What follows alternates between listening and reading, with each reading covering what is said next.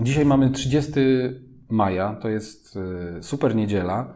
To jest ostatnia niedziela, prawie ostatni dzień maja i ostatnia niedziela maja. To jest też wyjątkowy miesiąc, w którym mieliśmy pięć niedziel.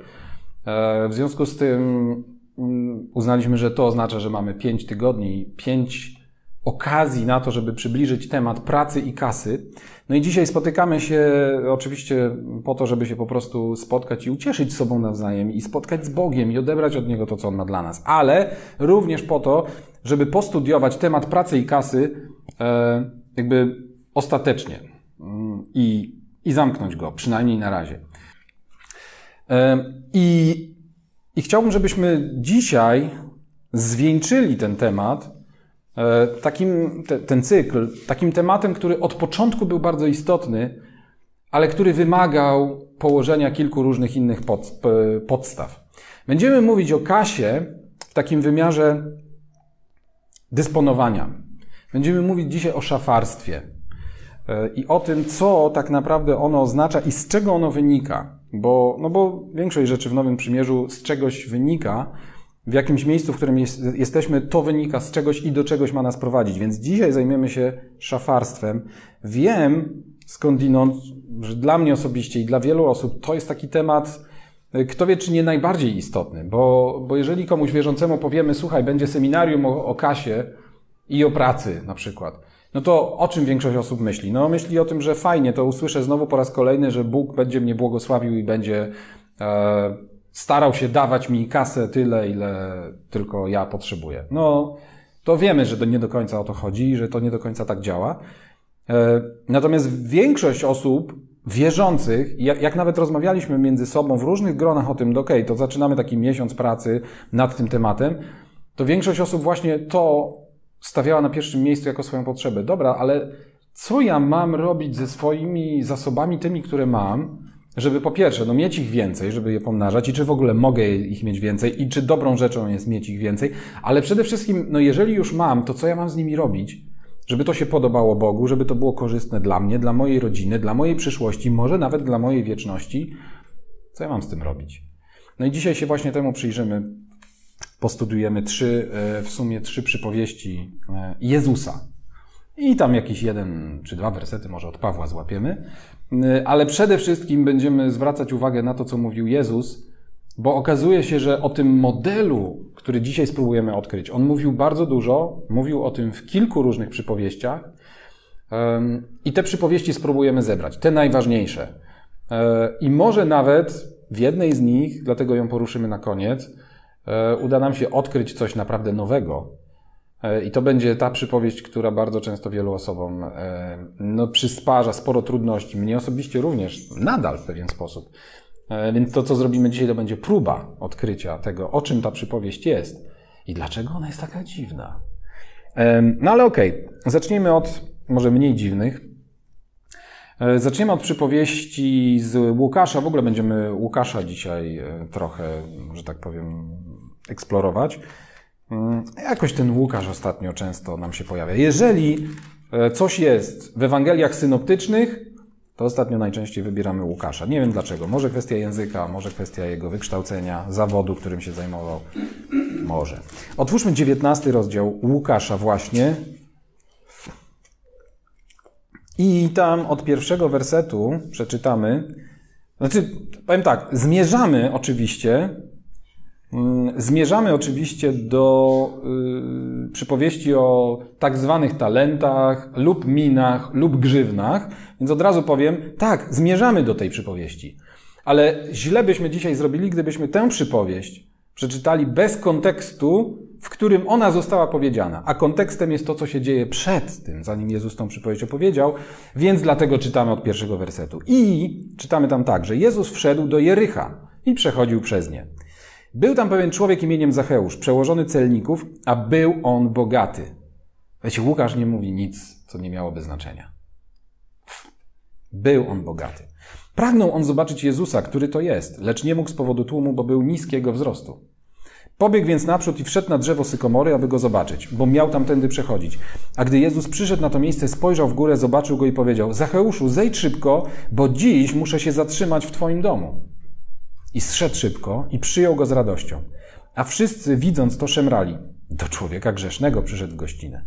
Zacheusz zaś stanął i powiedział do Pana: Panie, oto połowę mojego majątku daję ubogim, a jeśli kogoś w czymś oszukałem, oddaję poczwórnie. I powiedział Jezus do niego: Dziś zbawienie przyszło do tego domu, gdyż i on jest synem Abrahama. Bo syn człowieczy przyszedł, aby szukać i zbawić to, co zginęło. A gdy oni tego słuchali, opowiedział im dodatkowo przypowieść, dlatego że był blisko Jerozolimy, a oni myśleli, że wnet ma się objawić Królestwo Boże. Tu się na chwilę zatrzymamy, bo ten werset jedenasty, dlatego mnie po prostu rozwala mnie Łukasz, naprawdę. Jak, jak czytam to, to, to, jak on komentuje to, co się dzieje. Jednym wersetem dokonał powiązania tego, co zostało przed chwilą, to, co się wydarzyło przed chwilą z Zacheuszem, z tym, co za chwilę Jezus opowie. A gdy oni tego słuchali, gdy oni słuchali tego, co Jezus mówił do Zacheusza, jak Jezus skomentował to, co się stało z Zacheuszem, powiedział, że dziś zbawienie przyszło do tego domu.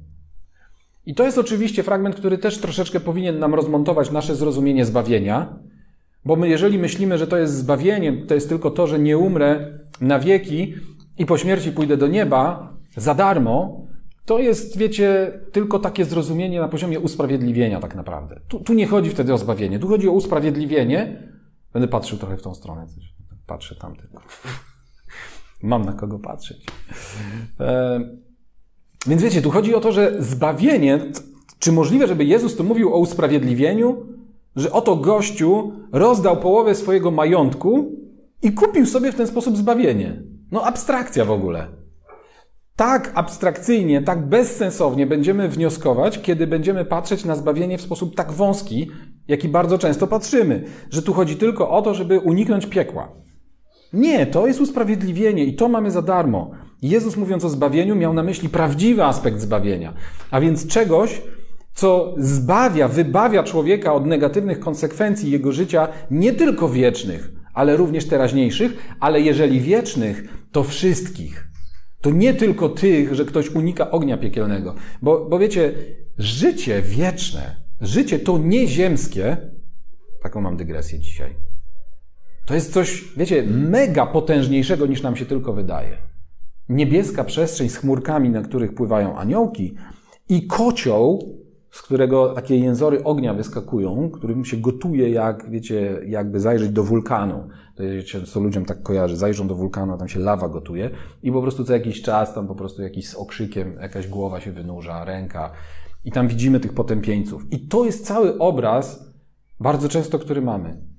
A życie wieczne, to nieziemskie, to, to duchowe jest czymś mega potężniejszym jest dla nas nieogarnialne, jest wręcz niewyobrażalne. Dlatego z dużą uwagą traktujmy coś, co Jezus mówi tutaj o zbawieniu. Dlaczego zbawienie stało się udziałem domu Zacheusza w momencie, kiedy rozdał połowę swojego majątku i kiedy, jeżeli kogoś w czymś skrzywdził, jeżeli oszukał, to oddaje poczwórnie. To jest niezłe. Dlatego dzisiaj może się okazać, że wiecie, rozmawiamy o kasie i o gospodarowaniu kasą, ale na koniec dnia, jeżeli ktoś dzisiaj na koniec dnia, co za fatalny termin, na koniec spotkania, e, jeżeli ktoś dojdzie do wniosku, że nie rozmawialiśmy o kasie, tylko rozmawialiśmy o zbawieniu, to może to wcale nie będzie bezpodstawne. I teraz słuchajcie, w kontekście tego, co się stało z Zacheuszem, że był bogaty, że do, spotkał się z Jezusem, że na skutek tego spotkania, dotknięcia, coś się zrodziło w jego sercu, że postanowił coś z tą majątnością zrobić takiego, co się Jezusowi ewidentnie spodobało. I w tym kontekście Jezus mówi: No to słuchajcie, to ja wam pocisnę dalej. Pewien człowiek szlachetnego rodu udał się do dalekiego kraju, aby objąć królestwo, a potem wrócić. A przywoławszy dziesięciu swoich sług, to, to już od razu powiedzmy, oczywiste jest, że Jezus mówi o sobie, tak? I o sobie i zapowiada, co się z nim wydarzy. Pewien człowiek szlachetnego rodu bardzo delikatnie o sobie opowiedział, tak? Zapowiedział, że za chwilę uda się do dalekiego kraju, uda się do ojca, żeby objąć królestwo. I uda się po to, żeby za jakiś czas wrócić. Ale na czas, kiedy go nie będzie, rozdziela pewne zasoby i rozdziela w związku z tym zadania. Przywoławszy dziesięciu swoich sług, dał im dziesięć grzywien i powiedział do nich: Grzywien, gdzie niegdzie grzywien, gdzie niegdzie min. U Mateusza to są talenty, nie ma to większego znaczenia. I powiedział do nich: Obracajcie nimi, aż wrócę. Lecz jego poddani nienawidzili go i wysłani za nim poselstwo ze słowami: Nie chcemy, aby ten człowiek królował nad nami. A gdy wrócił po objęciu królestwa, rozkazał przywołać do siebie te sługi, którym dał pieniądze, aby się dowiedzieć, co każdy zyskał handlując. Wtedy przyszedł pierwszy i powiedział: Panie, twoja grzywna zyskała dziesięć grzywien. I powiedział do niego: Dobrze, sługo dobry i wierny, ponieważ byłeś wierny w małym, sprawuj władzę nad dziesięcioma miastami. Przyszedł też drugi i powiedział: Panie, twoja grzywna zyskała pięć grzywien. Również temu powiedział: I ty władaj pięcioma miastami. A inny przyszedł i powiedział: Panie, oto twoja grzywna, którą chciałem, którą miałem schowaną w chustce. Bałem się bowiem, że ciebie, bałem się bowiem ciebie, bo jesteś człowiekiem surowym. Bierzesz, czego nie położyłeś i żniesz, czego nie posiałeś. Wtedy mu odpowiedział: Na podstawie twoich słów osądzę cię, zły sługo. Wiedziałeś, że jestem człowiekiem surowym, który bierze, czego nie położył i żnie, czego nie posiał. Dlatego więc, dlaczego więc nie dałeś moich pieniędzy do banku, abym po powrocie odzyskał je z zyskiem? Odebrał je z zyskiem. Do tych zaś, którzy stali obok, powiedział: Odbierzcie mu grzywnę i dajcie temu, który ma dziesięć grzywien. Odpowiedzieli mu: Panie, ma już dziesięć grzywien. Zaprawdę powiadam wam, że każdemu, kto ma, będzie dodane, a temu, kto nie ma, on zostanie zabrany nawet to, co ma. Lecz tych moich nieprzyjaciół, którzy nie chcieli, abym nad nimi panował, przyprowadźcie tu i zabijcie na moich oczach. A powiedziawszy to, ruszył przodem, zmierzając do Jerozolimy. Tu zamkniemy, bo zauważcie, dokonuje się pewna pętla. Jezus wszedł do Jericha. A, przepraszam, w jedenastym wersecie czytamy, że był blisko, do blisko Jerozolimy, zmierzał do Jerozolimy i że oni myśleli, że wnet ma się objawić Królestwo Boże. Dobrze myśleli. Jezus im objawiał Królestwo, zatrzymał się, powiedział im przypowieść i ruszył dalej do Jerozolimy właśnie. Tym kontekstem dzisiaj się nie zajmiemy. Co to znaczy, że on szedł do Jerozolimy, co tam się miało objawić i tak dalej, bo wiecie, za dużo by było naraz. Mamy za mało czasu i czuję coś tak bardzo, wiecie, podskórnie, że może te tematy będziemy jeszcze rozwijać. Ale z tej przypowieści kilka najważniejszych wniosków jest takich. Zwróćcie uwagę, przywoławszy sługi, w momencie, kiedy odchodził, zostawił im kapitał. Zostawił im kapitał i powiedział: Obracajcie nim, aż wrócę. Zwrócę uwagę Wam na jedną rzecz. E, w 15 wersecie przywołał, kiedy wrócił. Przywołał, pomijam ten fragment na razie mm, tych, tych którzy byli poddanymi, tymi, którzy nie chcieli, żeby panował nad nimi e, i, no i wysłali poselstwo, żeby, żeby nie wracał, tak? I potem co się z nimi stało. To też jest jakiś zupełnie dodatkowy wątek tutaj, ale nie na to dzisiaj zwracamy uwagę. Zwróćcie uwagę na to. Przywołał sługi i chciał się dowiedzieć, co każdy zyskał handlując. Pierwsza uwaga, zwróćcie uwagę, co on nie przyszedł zrobić. On nie przyszedł odebrać tego procentu. On nie przyszedł odebrać im zysku. On przyszedł zobaczyć, jak sobie poradzili. On przyszedł zobaczyć, ile zyskali. I potem w kontraście przychodzi ten trzeci, bo tam był pierwszy, był drugi. E, władaj nad miastami, władaj nad miastami. E, z czym się wam kojarzy władanie miastami? Z jakim okresem? Dokładnie. To jest bardzo prosty łącznik. Wiecie, Jezus takie czasem właśnie małe kotwice rzuca, to nie ta kotwica za zasłonę wrzucona, ale rzuca takie właśnie kotwice, żeby zakotwiczyć pewne wątki. Jak mówi o panowaniu nad miastami, bo, to, bo te panowanie nad miastami no, pasuje do tej historii, tak? No tu się sprawdził, jest odpowiedzialny, to teraz będzie panował. Ale panowanie nad miastami mówi o tym, kiedy to będzie. To będzie właśnie wtedy, kiedy on powróci, kiedy się rozpocznie tysiącletnie królestwo. I tu nie chodzi o to, ktoś może powiedzieć teraz, ej, ale ja się nie nadaję, ja nie mam charakteru burmistrza. Człowieku, to nie o to chodzi. Tu chodzi o to, o władanie miastami chodzi o królestwo, tysiącletnie królestwo, które zostanie zaprowadzone wraz z powrotem Jezusa na ziemię, i to oznacza, że on mówi o rzeczywistości tej właśnie tysiącletniego królestwa, przyszłej, o tej rzeczywistości, o której za chwilę powiemy, w Bogu albo w niebie. Wiecie, to ja teraz tak rzucam hasła, to, to nie chodzi o to, że to są synonimy, tylko chodzi o to, że to w innych przypowieściach za chwilę przeczytamy, że coś tam w Bogu, ktoś na przykład jest bogaty albo nie jest bogaty, albo przeczytamy o tym, że coś w niebie ktoś zgromadził. To to jest właśnie to. To jest właśnie kapitał, to jest właśnie zasób i to jest właśnie rodzaj pewnej, pewnego dowodu na kompetencje do zarządzania w tysiącletnim królestwie, do sprawowania władzy w tysiącletnim królestwie.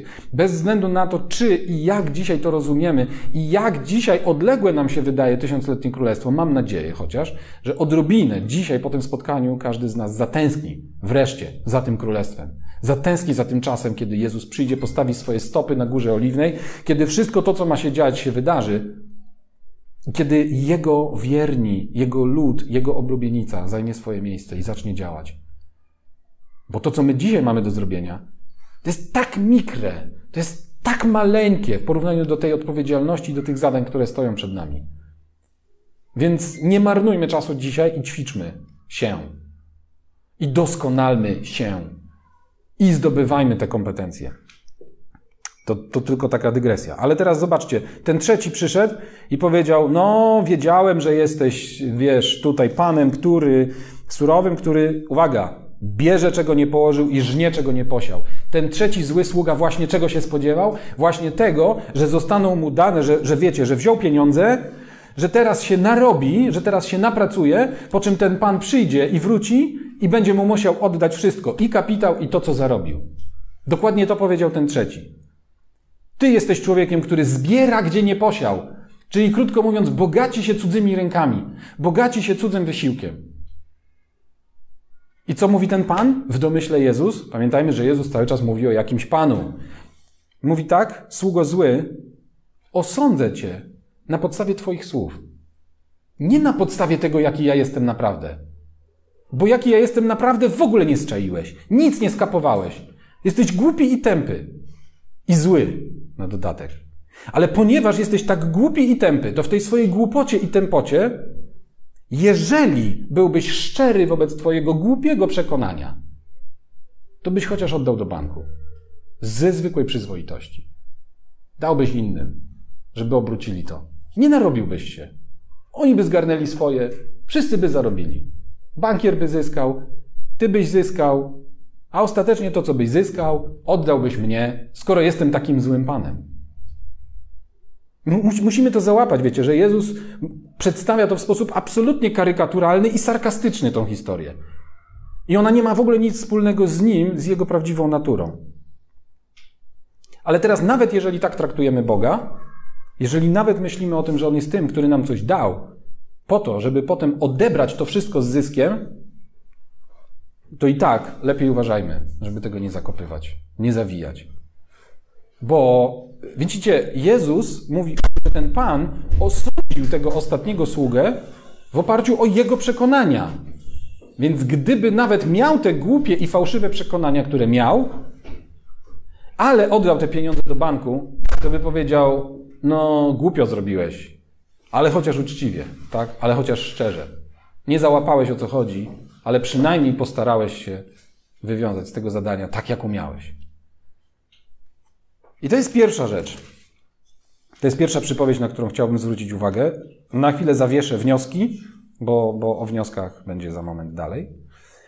E, widzimy, że chodzi tu o gospodarowanie. Jezusowi bardzo mocno chodzi o to, jak gospodarujemy tym, co mamy. E, cofnijmy się zatem w Ewangelii Łukasza.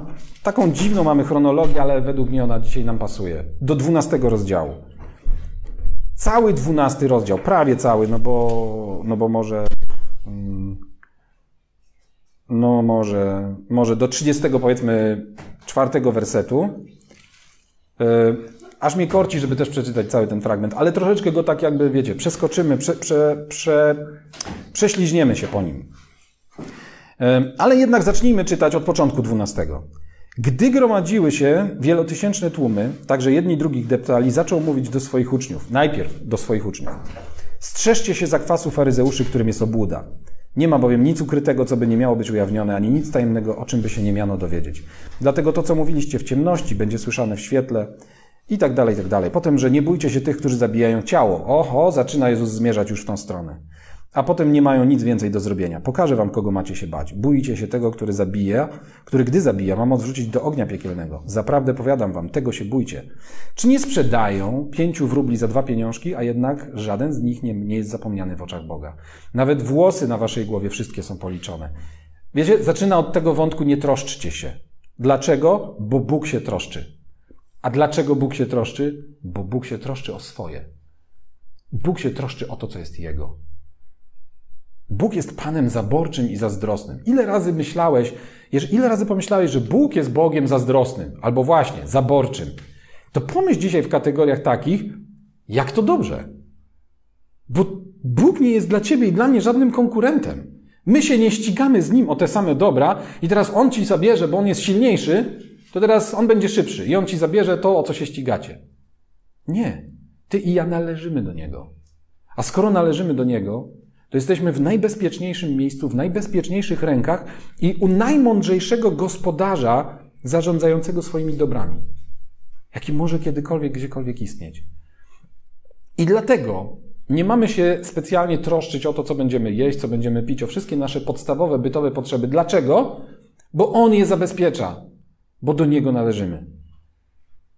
I y, Później czytamy o tym, że o tym, o, o, o świadczeniu o Jezusie przed ludźmi,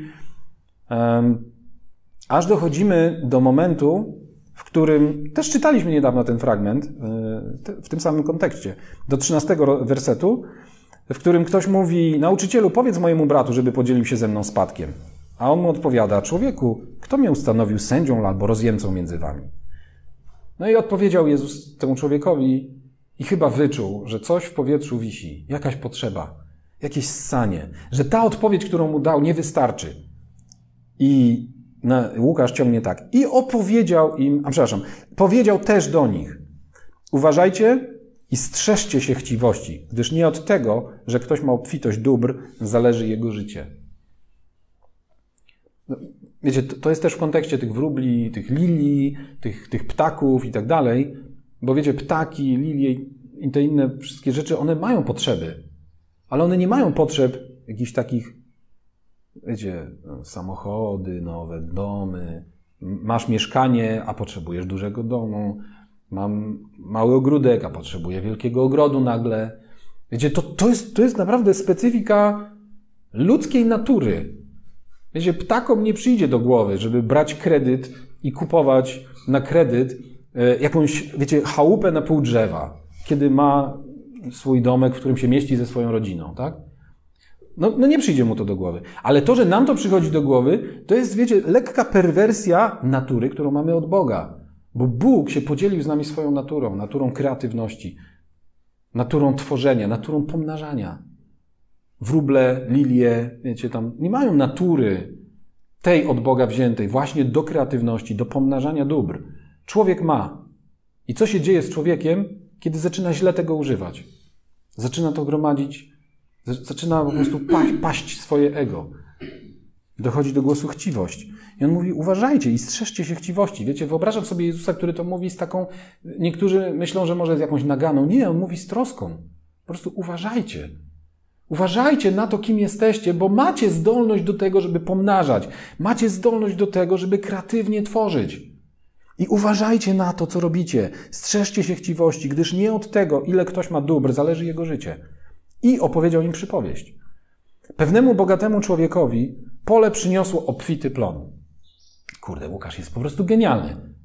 Nie przepuścił okazji i dodał bogatemu. Po prostu jest, wiecie.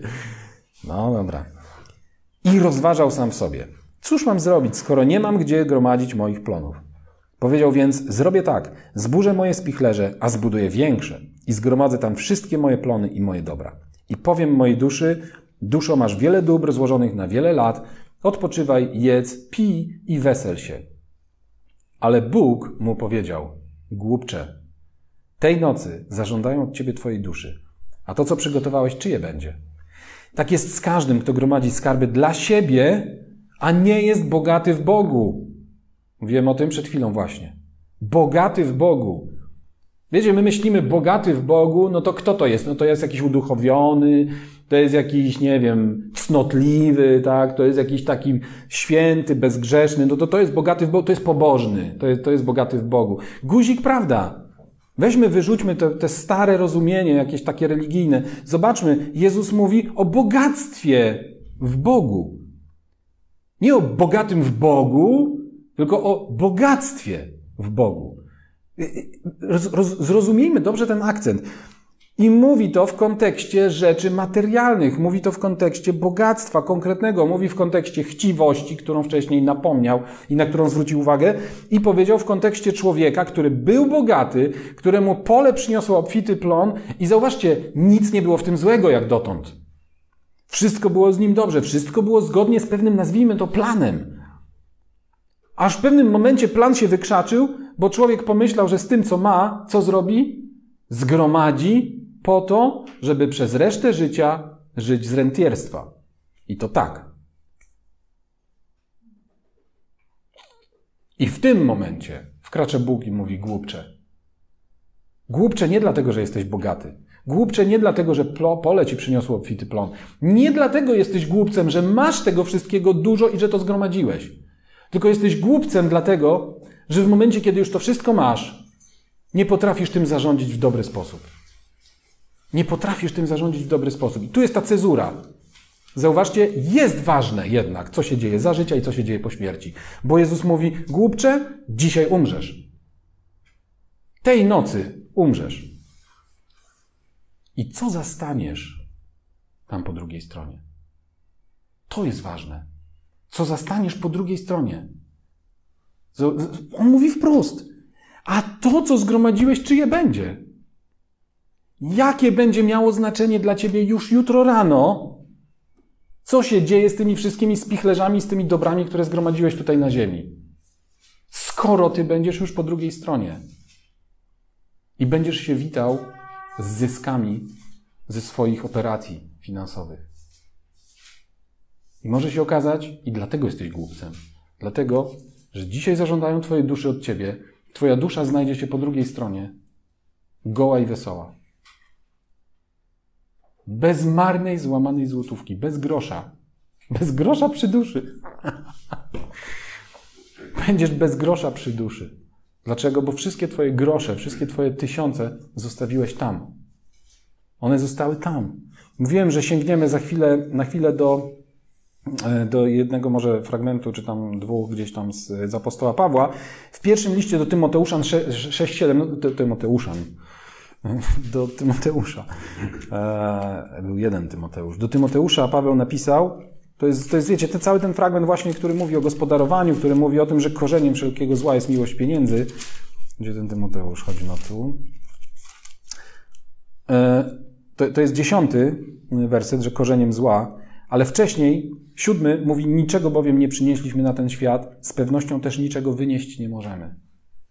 To jest w tym kontekście, to jest, mówi, on to mówi w kontekście no jakby szeroko, ale w kontekście materialnym. Więc pamiętaj, że nic nie przyniosłeś, przyszedłeś goły i wesoły i dokładnie taki sam, oby wesoły, odejdziesz. Nic stąd nie zabierzesz.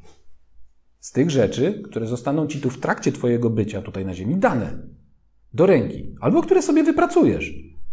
Bo wiecie, to też nie jest tak, że wszystko, co mamy, i to, to, to tylko znowu nie będziemy szukać fragmentów na to i jakiś, nie będziemy każdej tezy dzisiaj popierać, chociaż na każdą Biblia się wypowiada bardzo obficie. E, to też nie jest tak, że wszystko, co mamy dzisiaj w naszych rękach, rozumiecie, to jest to, co nam Bóg dał. Bo Bóg nam daje pewien kapitał inicjacyjny i czytaliśmy e, w Torze niedawno, w powtórzonego prawa księdze, Pan Bóg Twój, żeby, po, żeby udowodnić swoje przymierze zawarte z Tobą, daje Ci siłę do zdobywania bogactwa. Więc to jest tak, że dostajemy od Boga kapitał, dostajemy od Niego siłę do zdobywania bogactwa i nie ma w tym nic złego, że jesteśmy bogaci w pewnym momencie. Nie ma w tym nic złego, że na miarę tych kompetencji, które dostaliśmy i na miarę tego kapitału startowego, tego posagu, wiecie, Bóg jest dobrym ojcem, daje nam posag i puszcza nas w życie. To jest ten Pan, który przed odjazdem spotkał się ze swoimi sługami. Przydzielił każdemu według ich kompetencji, według ich możliwości, talenty, miny, grzywny czy cokolwiek przydzielił i powiedział: obracaj. Obracaj. No to, to jak mam obracać? To co, mam teraz dać datek na mszę świętą, żeby się modlili za mnie? To to będzie ten kapitał, który zgromadzę? Nie, no to, to by była dopiero głupota. Masz pieniądze? Obracaj pieniędzmi. Dlaczego? Miej ich więcej. I potem przychodzi kluczowe pytanie. Po co? Co teraz z tym, co mam, z tym, co dostałem i z tym, co wypracowałem, co teraz dalej mogę zrobić? Powiedziałem, że będą trzy przypowieści. No i teraz przejdziemy do tej najbardziej, najbardziej dyskusyjnej. E, bo jak dotąd widzicie, myślę, że to się udało nam wydobyć, że jest coś, co dostajemy tutaj na Ziemi. Jest coś, co jest naszym zadaniem w związku z tym, co dostajemy tutaj na Ziemi. Ale jest też coś, co możemy z tymi dobrami materialnymi, które mamy na Ziemi tutaj, jest coś, co możemy zrobić, żeby w momencie, kiedy, jak to czytaliśmy o tym e, bogatym głupcu, kiedy zostaniemy wezwani i kiedy staniemy, że tak powiem, po drugiej stronie, żeby tam zastały nas owoce, zwrot z inwestycji, które poczyniliśmy tutaj. I to jest ta koncepcja, którą Jezus próbuje swoim uczniom i próbuje swojemu ludowi sprzedać. Tu, człowieku, masz zasoby i bardzo dobrze, że je masz. Działaj i obracaj, ale pamiętaj, że owocem tego, co robisz z nimi tutaj, ma być to, co zostanie zgromadzone tam. I to jest to bogactwo w Bogu. To są te owoce, które my mamy wypracować przy pomocy tych środków i tych zasobów, które mamy tutaj. Co to jest? W sposób oczywisty. To są ludzie. To są ludzie. Wiecie, możemy po drugiej stronie się znaleźć i rzeczywiście nie mieć grosza przy duszy, ale może się okazać, że czeka tam na nas spory tłum ludzi, albo którym pomogliśmy, albo w których zainwestowaliśmy, albo którym oddelegowaliśmy nasz czas, który mogliśmy przeznaczyć na zarabianie pieniędzy, ale zdecydowaliśmy się, że wiecie, wszystko jest przeliczalne na Ziemi. Nie ma nic złego w tym, że przeliczamy. Nie ma nic złego w tym, że będziesz świadomy tego, że jeżeli godzina Twojej pracy to jest 100 zł albo to jest 1000 zł, wszystko jedno, to poświęcasz ją, ten czas, na zarobienie tej stówy albo tego tysiąca, albo na zainwestowanie w rozwój, w życie Twojego brata, Twojej siostry. Nie ma w tym nic złego. Wiecie, to jest to, co Jezus, to, co Piotr miał na myśli. Ej, oto my zostawiliśmy wszystko i poszliśmy za Tobą. Ej, oto my zostawiliśmy nasze łodzie. Ej, oto my zostawiliśmy naszą pracę. Zostawiliśmy nasze biznesy. Co z tego mieć będziemy? To nie było takie, wiecie, całkiem głupie. Bo naprawdę kawał życia zainwestowali. I, I to nie było głupie pytanie. I Jezus go nie zignorował, tylko odpowiedział zgodnie z prawdą. Tak jak jest. I pamiętacie, co powiedział? Dostaniecie tu, to, tam, to, siam, to spoko, ale w życiu przyszłym Także zwieńczył tą wypowiedź i powiedział: to, to tu spoko, nie martwcie się o to. Najważniejsze jest ten zwrot, to miejsce, w które inwestujecie, które jest w przyszłości. Więc właśnie znowu, w życiu przyszłym, w Bogu, w niebie. Um, to, to, są te, wiecie, to są te, ten obszar, na który Jezus cały czas przy pomocy różnych słów, różnych sformułowań próbuje zwrócić uwagę. No to przejdźmy do tej trzeciej przypowieści, o której mówiłem, że jest taka trochę dyskusyjna. E, może na skutek tego, co już do tej pory gadałem, w ogóle nie będzie i wszystko jakby się wyjaśni. Ale to jest szesnasty rozdział Łukasza, znowu.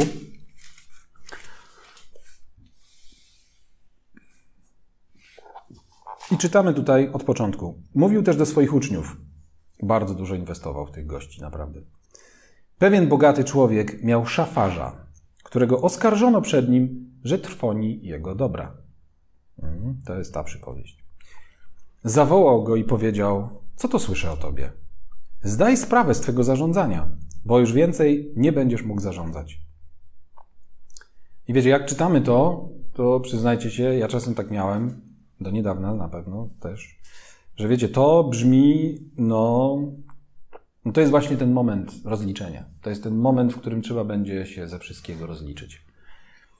E, wtedy szafarz powiedział sobie, co ja zrobię, skoro mój pan pozbawia mnie zarządu. Kopać nie mogę, żebrać się wstydzę. Genialne. Już wtedy, już wtedy pewne roboty, pewne za, zadania, no powiedzmy, były mniej poważane niż inne. Wiem, co zrobię i uwaga, żeby ludzie mnie przyjęli do swoich domów, gdy zostanę odsunięty od zarządzania. Znowu to jest symbol, to jest pewna przypowieść. My tu czytamy, mm, tak, ludzie, on zostanie odsunięty, będzie już tym żebrakiem i pójdzie do tych, którzy tam byli współwinni i którym przy pomocy tego szachermacher trochę pozwolił tam zaoszczędzić, no i oni go przyjmą. No tak, no to jest o tym ta sytuacja, ale my musimy, wiecie, no mieć trochę oczy, otworzyć oczy szerzej i spojrzeć duchowo na to, o czym Jezus mówi naprawdę. Przywołał więc do siebie każdego z dłużników swego pana i zapytał pierwszego, ile jesteś winien mojemu panu? A on odpowiedział, sto baryłek oliwy. I powiedział, weź swój zapis, siadaj szybko i napisz pięćdziesiąt. Może tam przybił swoją jakąś tam pieczątkę, nie wiem, coś, wiecie, w PDF-ie coś myk, myk, nie? I jest po prostu weksel od razu inny. I potem zapytał drugiego, a ty ile jesteś winien? A on mu odpowiedział, 100 korców pszenicy. Powiedział, weź swój zapis i napisz 80. I co czytamy dalej? I to jest ta najdziwniejsza rzecz, którą czytamy i która się gdzieś tam nie mieści w naszych, w naszych umysłach. I pochwalił Pan niesprawiedliwego szafarza, że roztropnie postąpił, bo synowie tego świata w swoim pokoleniu są roztropniejsi od synów światłości. I ja wam mówię, zyskujcie sobie przyjaciół mamoną niesprawiedliwości, aby gdy ustaniecie, przyjęto was do wiecznych przybytków. Kto jest wierny w najmniejszym i w wielkim jest wierny, a kto w najmniejszym jest niesprawiedliwy i w wielkim jest niesprawiedliwy. Jeśli więc w niesprawiedliwej mamonie nie byliście wierni, któż wam powierzy to, co prawdziwe? A jeśli w cudzym nie byliście wierni, któż wam powierzy to, co wasze własne? Żaden sługa nie może dwom panom służyć, gdyż albo jednego będzie nienawidził, a drugiego miłował, albo jednego będzie się trzymał, a drugim wzgardzi. Nie możecie służyć Bogu i mamonie. Słuchali tego y, ci tego wszystkiego. No dobra, to myślę, że no to możemy już na razie przerwać. Mm, bo faryzeusze słuchali i tak dalej, oni byli chciwi i naśmiewali się z niego. To też jest ciekawe. Ci, którzy byli chciwi, nie, nie złapali tego. Ale dlaczego ci, którzy byli chciwi i faryzeusze, i być może niektórzy z nas nadal, nie rozumieją tego, o czym Jezus mówi? Bo Jezus, wiecie, zrozumieli tą warstwę, opowiedział przypowieść o tym, że no, no to co? To, to co? Pochwalił oszustwo? To pochwalił jakieś mm, machloje? To jakaś dziwna przypowieść w ogóle jest. Ten Jezus jest dziwny. Jeżeli to tak jest, jeżeli on o tym naucza, to nie, to, to jest jakaś lipa. Zwróćcie uwagę, że znowu jest to przypowieść, która mówi językiem świata doczesnego o życiu przyszłym, albo o życiu wiecznym, ponieważ w życiu przyszłym, inaczej, ponieważ w życiu wiecznym nie ma czasu, to wiecie, dlatego mówimy w ogóle w życiu przyszłym, nie dlatego, że go dzisiaj nie ma, ono dopiero nastąpi. Ale mówimy o tym w życiu przyszłym, bo ono jest przyszłe dla nas. To jest tak, że wiecie, jak my przekraczamy granicę śmierci w pewien sposób, jak wchodzimy do tego królestwa, to tam nagle, wiecie, wchodzimy do wymiaru poza czasem. Wchodzimy do jakiegoś wymiaru, który jest zupełnie to jest, dlatego on jest przyszły. On jest przyszły i wieczny w związku z tym. E, no i dobra. I, I co ten człowiek tak naprawdę w tej przypowieści, ten, ten pozbawiony szafarstwa zrobił? Zatroszczył się o to, że jak już zostanie odsunięty od szafarstwa, czyli po swojej śmierci, żeby miał z kim się spotkać. Wiecie, to jest przypowieść właśnie o tym, żeby mamoną niesprawiedliwości, żeby tymi środkami, które my mamy i które mogą być mamoną niesprawiedliwości, zyskiwać sobie przyjaciół, a więc tych, których spotkamy po drugiej stronie, którzy nas przyjmą w wiecznych przybytkach, kiedy już tam trafimy. Widzicie to? To jest po prostu budowanie tych, którzy nas powitają kiedy zostaniemy od szafarstwa już odsunięci. Bez względu na to, czy, szafarstwa, czy, czy szaf, byliśmy szafarzami wiernymi, czy niewiernymi, czy robiliśmy dobrze, czy niedobrze. Przyjdzie czas, w którym zostaniemy odmeldowani z tego miejsca i znajdziemy się w nowej rzeczywistości. I Jezus mówi: Zrobisz dobrze, kiedy tej mamony niesprawiedliwości, którą masz tutaj, będziesz używał po to, żeby sobie zbudować zasoby tam. I tu nie chodzi, wiecie, o kupowanie przyjaciół, tylko chodzi o kupowanie swoich przyjaciół na wieki. Tu o to chodzi. Tu chodzi o zdobywanie, o inwestowanie w obszar, który, wiecie, to, to, jest, to, to jest bardzo specyficzne nauczanie, ale nie wiem, czy widzicie, że naprawdę wszystkie te trzy przypowieści, a jeszcze pewnie kilka, ale te trzy dzisiaj wyjęliśmy, one mówią o jednym. Masz człowieku dzisiaj tutaj zasoby na ziemi. Ciesz się, że je masz. Pomnażaj, jeżeli możesz. Korzystaj z tego. Jedz, pij, zapraszaj przyjaciół, jeździ na wczasy. Wszystko spoko. Ale niech zarabianiem, niech celem tego zarabiania, niech celem gromadzenia, niech celem pomnażania nie będzie to, żeby za chwilę zostać rentierem, nie musieć pracować, tylko to, żeby mieć tych pieniędzy coraz więcej, ale po to, żeby inwestować w królestwo. Inwestuj w królestwo dzisiaj przy pomocy środków materialnych, które masz, i w to królestwo, które jest dzisiaj namacalne, tu na ziemi. Mając świadomość, że to jest królestwo wieczne, że wiecie, każdy, każdy brat, każda siostra, każdy, za chwilę jeszcze jeden fragment przeczytamy, każdy jeden, każda jedna inwestycja, można tak powiedzieć, poczyniona tutaj na ziemi, jest, wiecie, pewnego rodzaju taką doraźną wypustką rzuconą z wieczności. Jest okazją dla nas, jest, wiecie, jest interfejsem wieczności. Może to jakoś tam niektórym, tak? I to, co. Linkiem do wieczności. I teraz to, co my z tym linkiem, z tym interfejsem, który tu mamy, który widzimy, zrobimy, rozpoznając go, że to jest ten wieczny, inwestując w niego, to wiecie, to jest, to jest pewnego rodzaju depozyt, to jest, wiecie, pewnego rodzaju, nie wiem, kasa, konto, konto, do którego wrzucamy, ale które, konto mocno inwestycyjne, ale z którego zyski są przeliczane tam. I jak tam trafimy, to wtedy dopiero zobaczymy, jakie to przyniosło owoce. Więc mamy operować rzeczami materialnymi, mamy operować pieniędzmi, mamy zarabiać, ale po to, żeby pamiętać, co z nimi dalej jest do zrobienia, po to, żeby zwrot z tych inwestycji, które poczynimy tutaj, były tam. I teraz na koniec kilka wniosków. Będzie w punktach. Po pierwsze, właścicielem wszelkich dóbr materialnych jest Bóg, Jahwe. On wszystko stworzył i On jest tego właścicielem. Po drugie, Bóg jest ochotnym dawcą, który udziela ludziom zarówno samych dóbr lub ich ekwiwalentów, jak i obdarza, czyli dóbr lub pieniędzy. No, pieniądze też nie są, wiecie, żadną wartością samą w sobie, tylko są umownym ekwiwalentem tych dóbr, no po to, żeby można było pewne rzeczy między sobą wymieniać i żeby ułatwić ten cały trade i nie musieć, że tak powiem, operować tylko w barterze, ale żeby móc pewne rzeczy jakby odroczyć. No to po to są pieniądze. I obdarza zdolnością do ich zdobywania. Czytaliśmy o tym parę tygodni temu. A więc to, co mamy, to jest to, co oryginalnie od niego dostaliśmy i to, co pomnożyliśmy naszą pracą. Więc wiecie, to, to jest tak, że to, co mamy dzisiaj w naszych zasobach, nie wiem, na naszych kontach, to też możemy popatrzeć, tak, nie, nie, możemy patrzeć na to w sposób jakiejś takiej fałszywej, nie wiem, skromności. Nie, to wszystko, to wszystko dał mi Pan. Bo może Pan ci dał pierwszego tysiąca, a te wszystkie pozostałe 99, które masz, wypracowałeś. Oczywiście nie po to, żeby teraz powiedzieć, ja i siła mojej ręki mi to wszystko zdobyła, tak? Bo to jest właśnie synonim głupoty, tylko Pan dał ci siłę do zdobywania tego bogactwa, ale ty wziąłeś tą siłę od Pana i obróciłeś tym tysiącem i teraz masz sto tysięcy, albo milion, albo więcej. Albo nie obróciłeś i dlatego nie masz. Po trzecie, kapitał, który dostajemy, jest narzędziem do inwestowania i ma nam służyć w okresie naszego życia na Ziemi. Tutaj. Ten kapitał ma nam tu służyć, ale opuszczając nasze stare ciało, będziemy musieli go zostawić tutaj.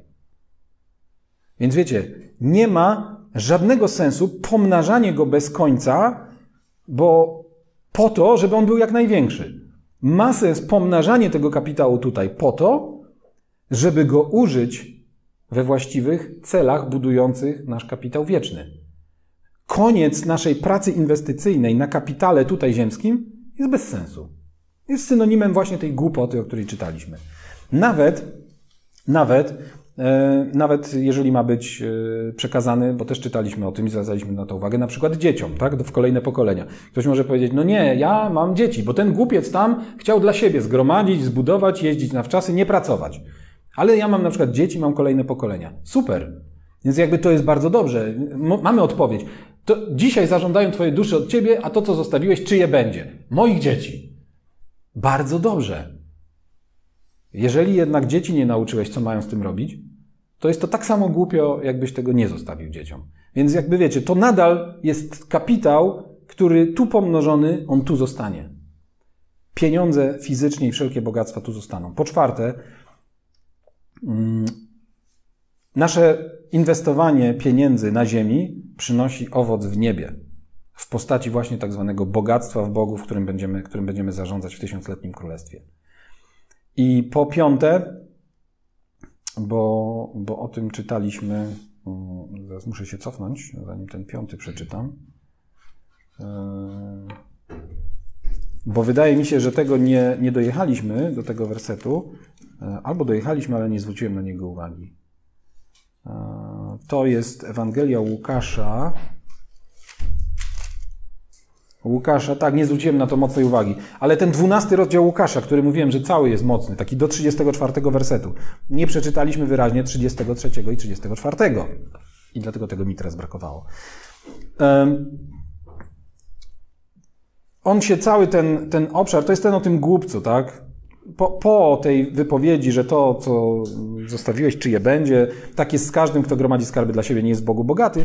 Potem jest cały ten fragment, który mówi o tym, że co będzie, nie martwcie się, co będziecie jeść, co będziecie pić. Zostawcie to, bo to jest, wiecie, to jest w pakiecie. Tak? To jest pakiet startowy, który dostajecie od Boga i głupią rzeczą jest, kiedy się o to martwicie. Bo skoro jesteście Jego własnością, to na życie, na warunki bytowe, na potrzeby bytowe dostajecie od Boga za darmo. To jest jak usprawiedliwienie, które mamy za darmo. I później w 33 yy, mówi tak: sprzedawajcie co posiadacie i dawajcie jałmużnę. Tarę, przygotujcie sobie sakiewki, które nie starzeją się, skarb w niebie, którego nie ubywa, gdzie złodziej nie ma dostępu, ani mól nie niszczy. Bo gdzie jest wasz skarb, tam będzie i wasze serce. To jest kwintesencja tego. Wiecie, Jezus wprost mówi: sprzedaj w końcu to, co posiadasz, i to, co posiadasz. Miej, miej to, co posiadasz. Zrób tym coś konkretnego. Dawajcie jałmużnę. W ten sposób, co zrobisz? Przygotujesz sobie sakiewkę, która nie starzeje się, skarb w niebie, którego nie ubywa, gdzie żaden złodziej nie ma dostępu, ani mól nie niszczy. Więc nie dość, że gromadzisz, nie dość, że tam będzie zysk, to on będzie trwały, niezniszczalny i niewykradalny. Bo gdzie jest wasz skarb, tam będzie też wasze serce. To jest genialne połączenie, bo my to oczywiście znamy ten werset, ale teraz uważaj. Jeżeli pamiętasz i wiesz, że przy pomocy pieniędzy, jałmużny, troski o ubogich, troski o biednych, troski o braci, zyskujesz sobie skarb tam i wiesz, że twój skarb jest tam, to tam będzie twoje i moje serce. Więc jak najlepiej się zatroszczyć o to, żeby moje i Twoje serce było tam, inwestować w tam, tutaj. Inwestować tutaj, w tam. Inwestować to, co mamy tutaj, w skarb, który się gromadzi tam. I wtedy tam będzie nasze serce.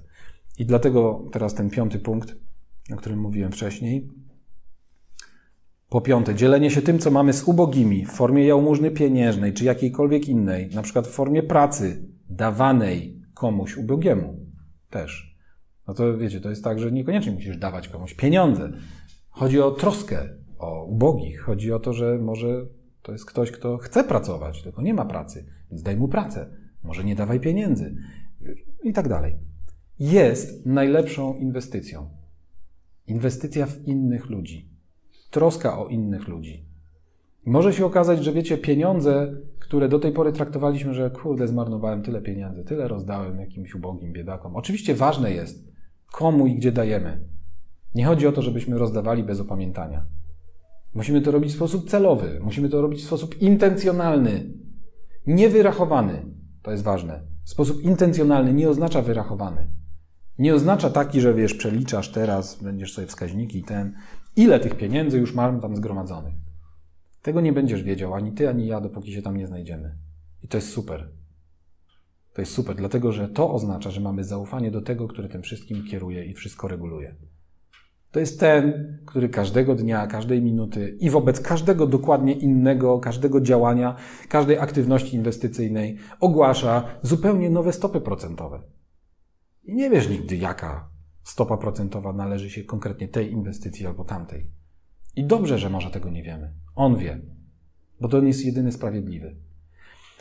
Ale kiedy o tym będziemy pamiętać, to nie będziemy mieli, wiecie, aż takiego problemu. Nie, nie, nie, wierzę rzeczywiście, że dzisiejsze, nie wiem, kazanie rozwiąże wszystkie nasze nagle problemy i dylematy finansowe.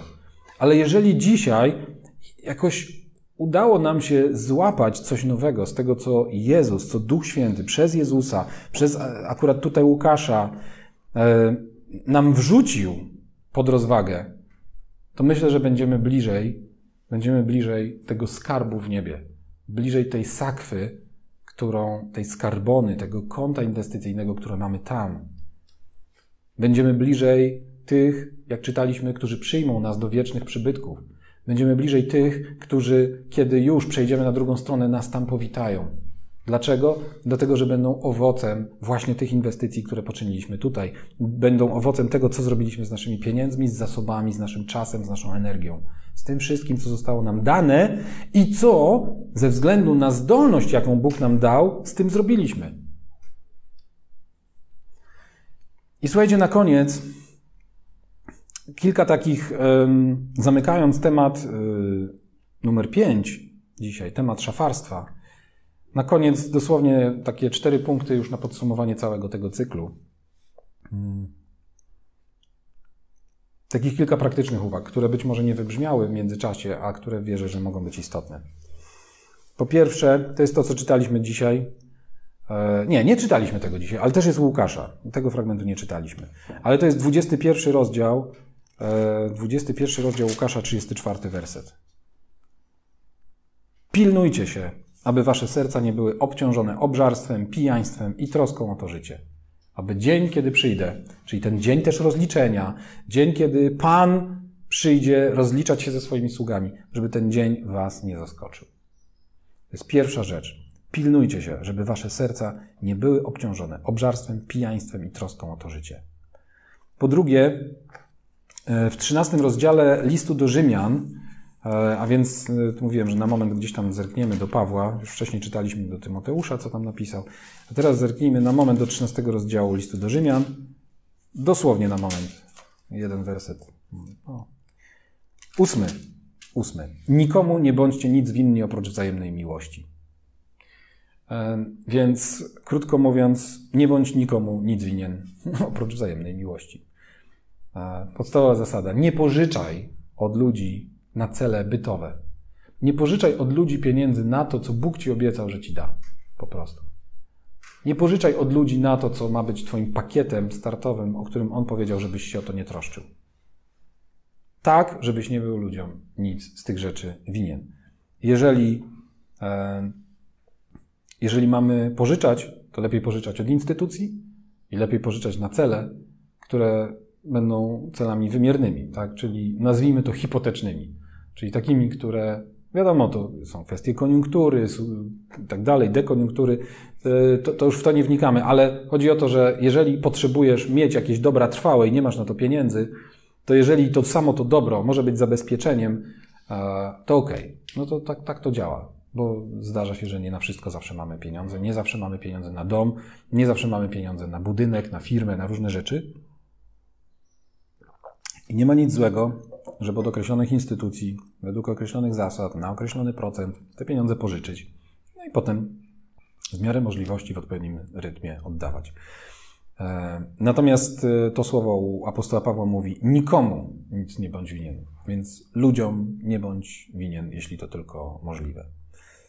E, I po trzecie, będą cztery, więc tak mówię, i po trzecie. Znowu u Łukasza do Łukasza sięgniemy, do szóstego rozdziału, zasada w drugą stronę. Bo wiesz, to jest jakby Jezus mówi do męża, Jezus mówi do żony. I Jezus mówi osobno. i do męża mówi, żeby robił to, co ma robić, ale nie mówi, żeby zwracał uwagę, czy żona robi precyzyjnie to, co jej powiedział, żeby jemu robiła. I na odwrót. I tak samo tutaj. Jeżeli możesz, jeżeli możesz się przed tym uchronić, to nie pożyczaj od ludzi. Ale Łukasz 6, 34 mówi tak. Jeśli pożyczacie tym, od których spodziewacie się zwrotu, na jaką wdzięczność zasługujecie? Przecież i grzesznicy pożyczają grzesznikom, aby z powrotem odebrać tyle samo. Więc, krótko mówiąc, prosta zasada. Jeżeli pożyczasz, bo ktoś cię prosił, to Jezus mówi pożycz. Tylko bądź gotów tego nigdy nie odzyskać. Pożyczaj tak, jakbyś miał tych pieniędzy nigdy nie odzyskać. I nie podpisuj weksli i, a już najgorzej, nie pożyczaj na procent. Bo to już jest w ogóle Wiecie, to jest tępione, lichwiarstwo jest tępione, osobi, osobiste lichwiarstwo w Biblii, kiedy człowiek człowiekowi pożycza, a potem odbiera to samo z zyskiem, z procentem. To jest lichwiarstwo, przeciwko któremu Bóg bardzo wyraźnie występuje. I jeszcze 36 werset. Dlatego bądźcie miłosierni, jak miłosierny jest Ojciec Wasz, a w 35 czytamy Miłujcie Waszych nieprzyjaciół, czyńcie im dobrze i pożyczajcie, niczego się za to nie spodziewając. Najgorsze jest to, że to jest jeszcze w kontekście nieprzyjaciół. A wielka będzie wasza nagroda i będziecie synami Najwyższego. Znowu widzicie? Jest czas przyszły. Wielka będzie wasza nagroda. Wielka, kiedy się znajdziecie tam. No. I po czwarte, i to już będzie ostatnie, e, tutaj sięgniemy do drugiego listu do Koryntian, Pawła. To jest taki list, którym on bardzo dużo ich tam uczy, że w obu tych listach poucza ich mocno, ale w tym drugim między innymi poucza ich sporo też o, o pieniądzach, o dawaniu i taki jeden krótki fragmencik. Ten fragmencik mówi o tym, że bądź hojnym dawcą, bo w ten sposób gromadzisz sobie po prostu skarb w niebie i pobudzasz ludzi do dziękczynienia Bogu tutaj na ziemi. Więc jeszcze dokładamy jeden mały aspekt do tego, o czym mówiliśmy wcześniej, do mądrego szafarstwa. Dziewiąty rozdział drugiego do Koryntian 6, 12. Mówię tak, kto skąpo sieje, skąpo będzie rządź, a kto sieje obficie, obficie będzie rządź. Każdy tak, jak postanowił w swym sercu. Tak niech zrobi nie z żalem albo z przymusu, gdyż radosnego dawcę Bóg miłuje. Mm, I jeszcze dalej. A Bóg ma moc udzielić wam obficie wszelkiej łaski, abyście mając zawsze wszystkiego pod dostatkiem, obfitowali we wszelki dobry uczynek Widzicie to? Bóg daje człowiekowi kapitał na to, żeby mógł go pomnożyć i żeby mógł go wykorzystać w kierunku dobrych uczynków.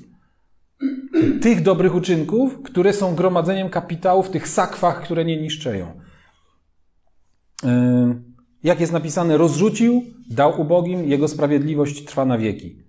A ten, który daje ziarno siewcy, niech i wam da chleba do jedzenia i wasze ziarno rozmnoży i zwiększy plon waszej sprawiedliwości. Widzicie to? To jest po prostu mega. Ten, który daje ziarno, kto daje? Bóg. Niech On da wam chleb do jedzenia, żebyście się nie martwili o to, co macie jeść. I wasze ziarno rozmnoży, a więc rozmnoży to, co użyjecie do zasiewu i zwiększy plon waszej sprawiedliwości w tych sakwach, które nie niszczeją w niebie w Bogu. Abyście byli wzbogaceni we wszystko ku wszelkiej hojności, która sprawia, uwaga, bo hojność jest cechą naszego charakteru, którą widać tutaj na ziemi. Waszej hojności, która sprawia, że z naszego powodu składane jest dziękczynienie Bogu. Jak możesz sprawić, żeby z Twojego i mojego powodu, jak możemy my sprawić, żeby z naszego powodu było składane dziękczynienie naszemu Bogu? Okazywać hojność, żeby ją ludzie widzieli. Posługiwanie bowiem w tej służbie nie tylko zaspokaja niedostatki świętych, ale obfituje w liczne dziękczynienia składane Bogu. Więc nie tylko masz korzyść, zabezpieczając niedostatki świętych, tu konkretnie akurat dotyczyło to wierzących, ale Jezus wcześniej też mówił, rozszerzył to, bo mówił o nieprzyjaciołach, których mamy pożyczać. E, więc nie tylko zaspokaja ich potrzeby, ale obfituje w dziękczynienia, które są składane Bogu. Słuchajcie, nie wiem, czy tylko ja się dzisiaj jakoś nakręciłem do, do tego, ale po prostu to jest takie częste, no, jak po prostu ktoś coś odkryje, jak ktoś coś od Boga odbierze i Duch Święty mu nagle poskłada jakieś puzzle, to często tak jest, więc y, Mm, ja się dzisiaj trochę tak podierałem tym tematem. E, może dlatego, że, mm, że po raz pierwszy od jakiegoś czasu zobaczyłem, jak te linki się składają. Że Bóg daje nam kapitał, Bóg chce, żebyśmy go pomnażali. I Bóg chce, żebyśmy mając go tutaj na ziemi, teraz, w tym czasie, używali go do budowania inwestycji, do budowania dóbr tam, które mają charakter wieczny, nieprzemijalny, niewykradalny i zupełnie niezniszczalny. I czyniąc to, będziemy mądrymi szafarzami Jego dóbr, które On nam dał. Zauważyliście, że jest pewną naturalną zasadą. To, o czym pisał Paweł, że niczego nie wnieśliśmy na ten świat, niczego wynieść z niego nie możemy. To nie jest tak, że ktoś przyjdzie i nam to będzie odbierał. Jezus też nie powiedział, że jak przyjdzie, to po to, żeby zabrać swój kapitał i odebrać nam nasze zyski. Uwaga! Zysk z kapitału, który dostałeś, z posagu, który dostałeś ty i ja, zysk, który wypracujemy, w pewien sposób jest nasz. I do nas tylko należy, czy on zostanie nasz na wieki, czy on zostanie nasz tylko do momentu naszego odmeldowania się z tej ziemi. Więc bądźmy mądrzy, po prostu. Życzę wszystkim samych mądrych decyzji, szczególnie tym, którzy mają być może w najbliższym czasie jakieś decyzje różne, inwestycyjne, kredytowe, takie, śmakie, oszczędnościowe, zawodowe do podjęcia. To wszystko ma znaczenie. Pamiętajmy, że wszystko to, co robimy tutaj, teraz, również z pieniędzmi, z naszymi dobrami materialnymi, z czasem i z energią, którą mamy, ma wymiar wieczny. E, I możemy się kiedyś zdziwić, oby pozytywnie, w jak dużym stopniu miało to znaczenie dla, dla naszej wdzięczności, bo miasta do zarządzania czekają. Do zobaczenia następnym razem. E, widzimy się za tydzień o tej samej porze.